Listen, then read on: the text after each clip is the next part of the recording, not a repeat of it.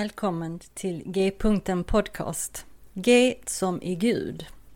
Jag heter Monica Albin och detta är en podcast för oss som är på en resa i tro och liv, i andlighet och allt som har med Gud att göra. Vad nu Gud betyder för oss. En öppen atmosfär där inga frågor och funderingar är dumma och där vi tillsammans ska få vidga vyerna. G-punkten betyder att Gud är mittpunkten, i centrum av samtalen och genomsyrar allt och alla. Och därifrån är vägarna öppna att fortsätta framåt och utforska nya vyer. Samtala de stora frågorna på ett vardagligt sätt hoppas jag att podcasten ska kunna erbjuda. Tack för att du vill vara med på den här resan. Så välkommen på resan mot G-punkten.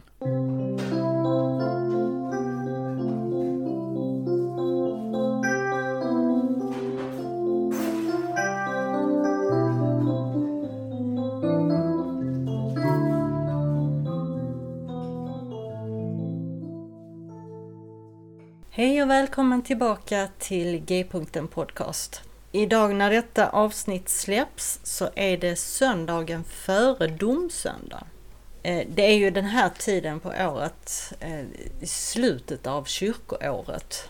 För den första advent så börjar ju ett nytt kyrkoår. Idag så delar jag en predikan från domsöndagen 2018, så det är några år sedan. Men den håller än, tycker jag och jag vill dela den här med er idag. I början av predikan så spelar jag en sång och där finns text och så på den så att jag lägger en länk här i avsnittsbeskrivningen till den så kan ni lyssna och titta på Youtube.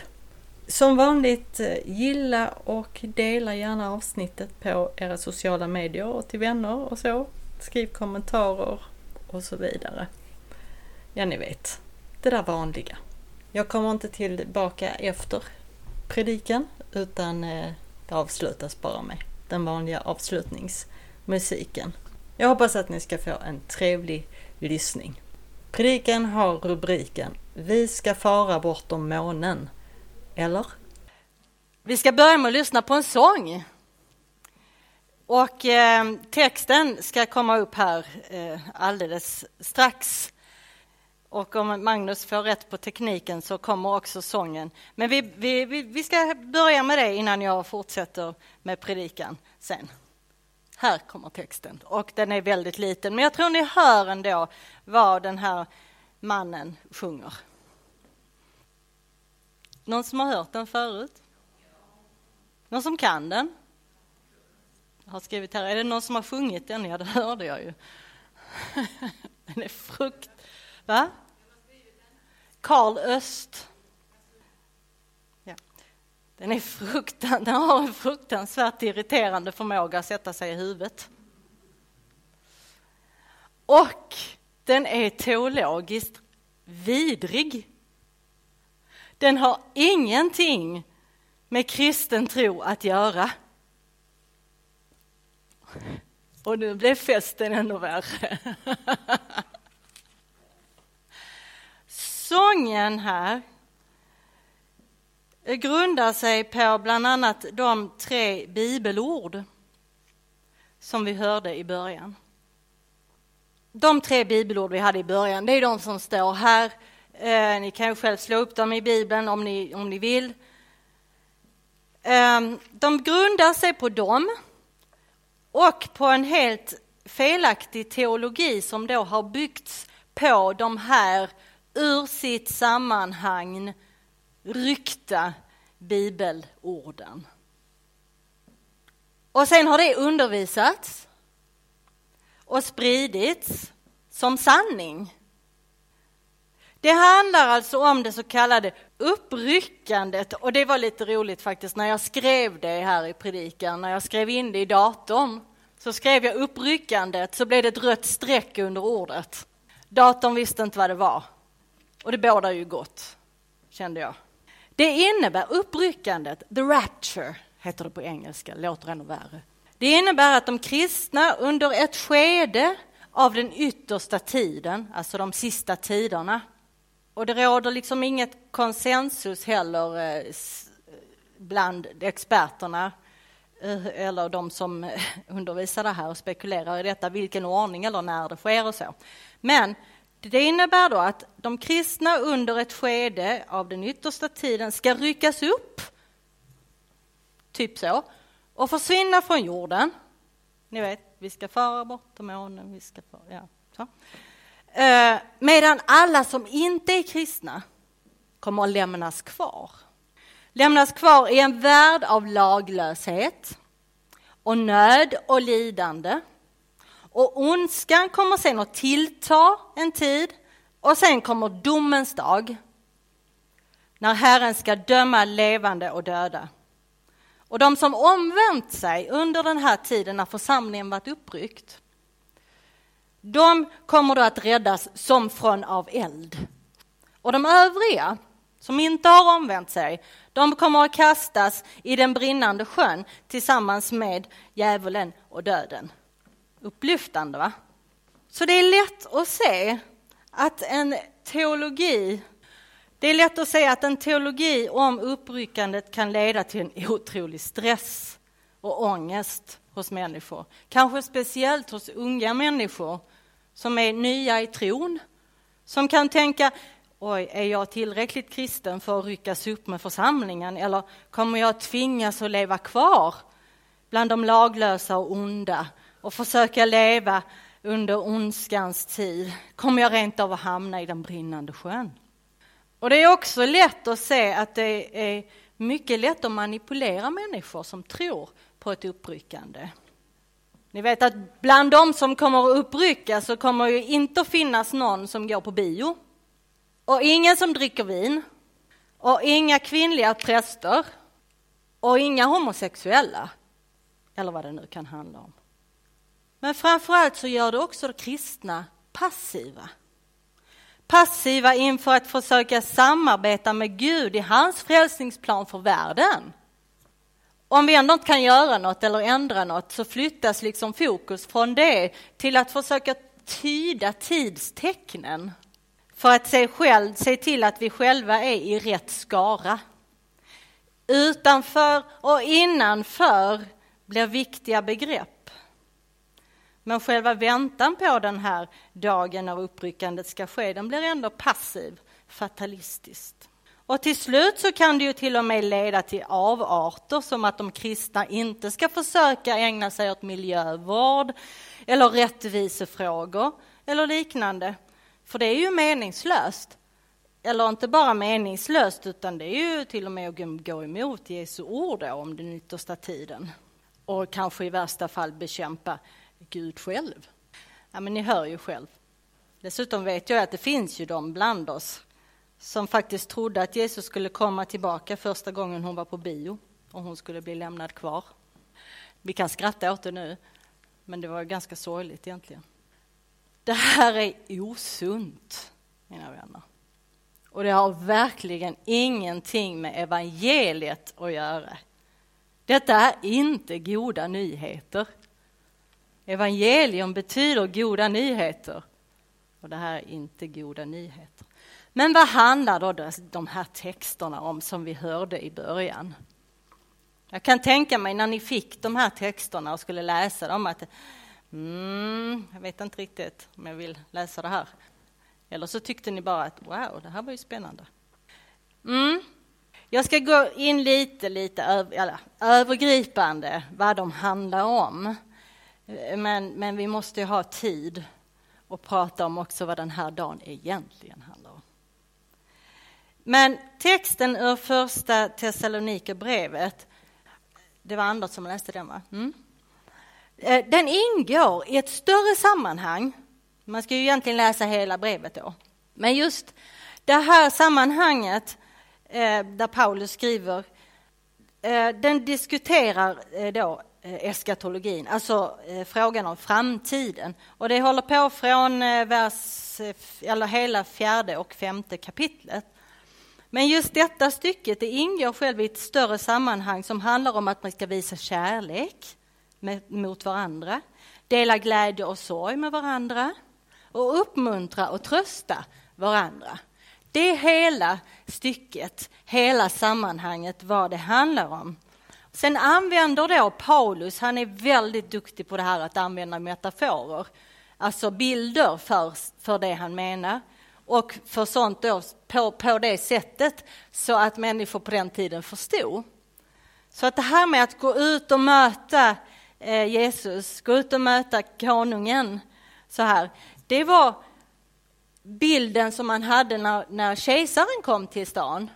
Då gick alla ut för att möta och lyfte upp, precis som man gjorde med Jesus när han kom eh, in då på palmsöndagen.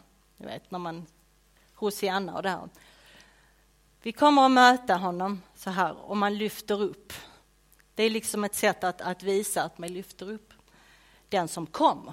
Så det är metaforer. Man, hela stycket handlar om att vi ska trösta varandra och visa kärlek eh, till varandra. Så det handlar om att ge tröst. Inom loppet av 17 verser så han, säger han tre gånger att vi ska ge tröst och kärlek och uppmuntran till varandra. Texten ur Markus 13 det utgör även det en, en logisk båge. Då. Så här. Det här följer den eh, styckesindelningen faktiskt. Hela Markus 13 kan läsas som eskatologi, alltså framtid. Men i Markus 12, den avslutas med berättelsen om kvinnan med kopparmynten. Ni vet änkan som la de sista kopparmynten i tempelkollekten. Och den texten i sig handlar om religiösa ledare som skor sig på människor och lever hycklande. Så trettonde kapitlet inleds sen med Jesu ord om att templet ska falla, vilket känns ju lite olycksbådande då, Eh, när man precis har, har pratat om andligt förfall. Och sen kommer ytterligare ord om andliga ledare och lärjungarna inte ska låta sig luras av dem och så vidare. Men då har samtalet liksom redan förts in på det här med eskatologin, den yttersta tiden. Och då börjar lärjungarna fråga, men när ska det här ske och så? Och Jesus vill stanna kvar vid ämnet falska andliga ledare. Men när han då fortsätter att prata om ett galopperande förfall så har han ändå inte slutat att prata om de här andliga ledarna och det andliga förfallet. Och så nämner han dem ett par gånger till eh, och sen kommer texten om att han ska komma tillbaka. Och när han talar om att änglarna ska sändas ut för att församla hans efterföljare, för att församla hans folk, ja då verkar det vara i kontrast till de som har följt de falska ledarna, som de som har själv rusat efter dem. Det verkar vara liksom en försäkran att ni kommer att veta när det är rätt tid ta det lugnt. Ni kommer att veta för änglar kommer och hämtar er. Ni behöver inte springa efter alla som säger att de är Messias. Gör inte det. Änglar kommer att hämta er. Det blir som en, en eh, försäkran. Matteustexten följer exakt samma struktur, faktiskt. Och vare sig i Matteus eller Markus står någonting om något uppryckande. Församlingen ska samlas till Jesus som ska återvända till jorden. Men ingenstans står det att fortsättningen sen är en tillvaro bortryckt från resten av mänskligheten. Och bara för att klargöra några av uttrycken som nämns i de här verserna som kan få en att göra felaktiga associationer. Ordet som här översätts föras bort är det grekiska verbet arpaso, kanske? Någonting? Som mycket riktigt kan översättas eh, ryckas bort, men också kan översättas ryckas, dras till. Alltså min. Så. Man drar det till sig. Man drar någonting med kraft till sig som är mitt. Som en, man är avundsjuk liksom. Det är mitt, rör det inte. Så. Och bland molnen det är kanske den mest intressanta delen av versen, när ordet som används för molnen här är det ord som översätts som molnstoden. Alltså samma molnstod som visade folket vägen genom öknen. Symbolen för Guds närvaro. När Herren ska komma tillbaka ska han samla oss, närmast svartsjukt, till sig vid molnstoden mitt i Guds närvaro. Och sen, konstaterar texten, ska vi få leva tillsammans med honom.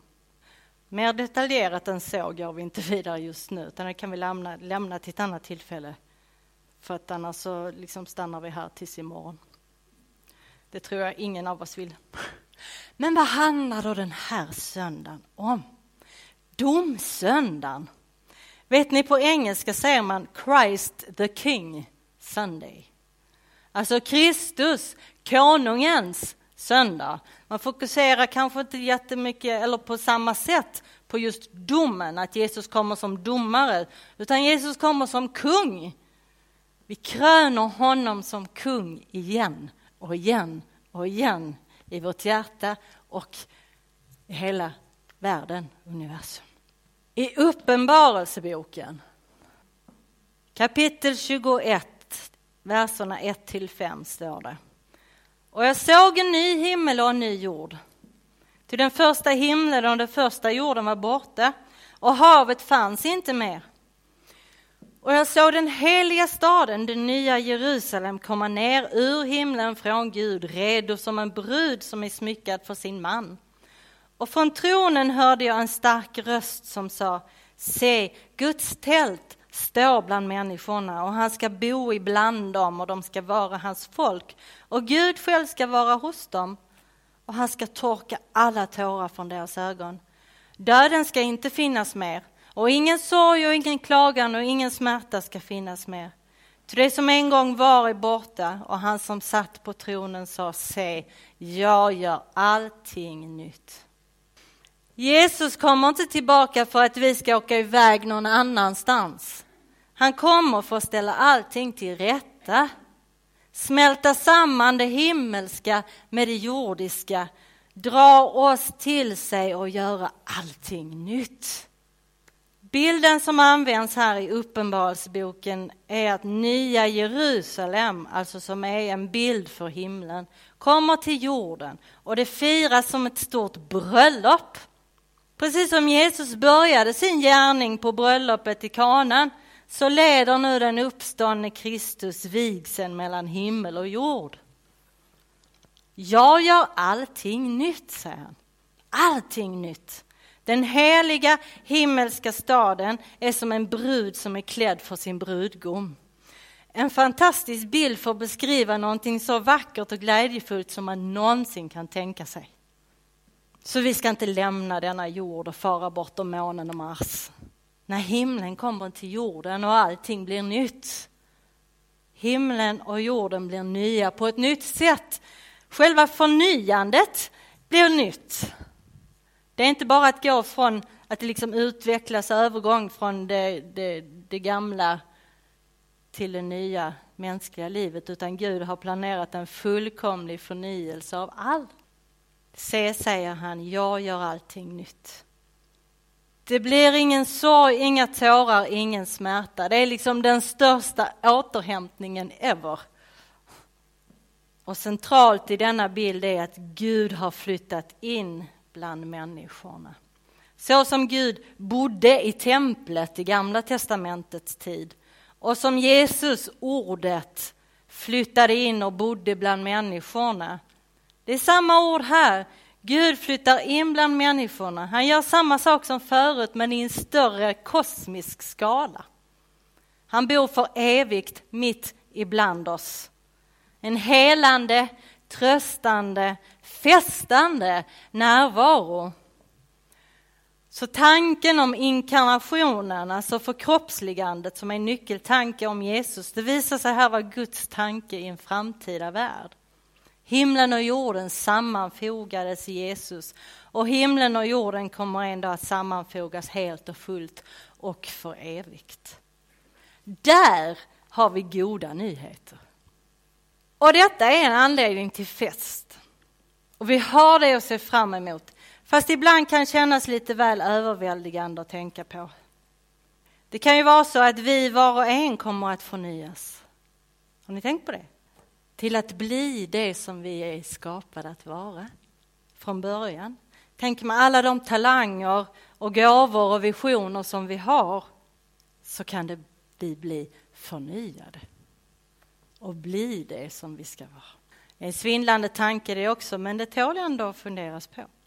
Men under tiden vi väntar så fortsätter vi våra liv här på jorden. Det är inte en passiv väntan. På flera ställen i Bibeln så ser vi ju att vi lever i Kristus redan nu. I världen men inte av den och så vidare. Så nya Jerusalem är här men ännu inte. Vi finner den där människor samlas med intentionen att följa Jesus Kristus på ett nytt sätt. Varhelst församlingar utgör en helande närvaro i brustna samhällen. Där finns nya Jerusalem. Både som symbolisk profetisk vision och som en påtaglig närvarande verklighet. Så när vi lever och verkar genom att se Jesus i varje människa att ge ut av Guds kärlek och barmhärtighet till andra så hjälper vi också att förnya världen och tillvaron. Det blir lite av Jesu återkomst hela tiden. Kontinuerligt. För se, jag gör allting nytt, säger Jesus. Så domsöndagen handlar inte om något uppryckande eller världens undergång, utan om att Gud flyttar in bland människorna. Och allting blir nytt. Alla tårar, all smärta, allt elände kommer för alltid att vara utrotade. Och förnyelsen och återupprättandet totalt för allt och alla. Och vår uppgift som Jesu efterföljare, här och nu, det är att breda ut Guds rike. Att breda ut nya Jerusalem runt omkring oss och medverka till försoningen och återupprättandet av skapelsen. Och detta, mina vänner, det är domsöndagens budskap. Och det, det är goda nyheter. För se, jag gör allting nytt.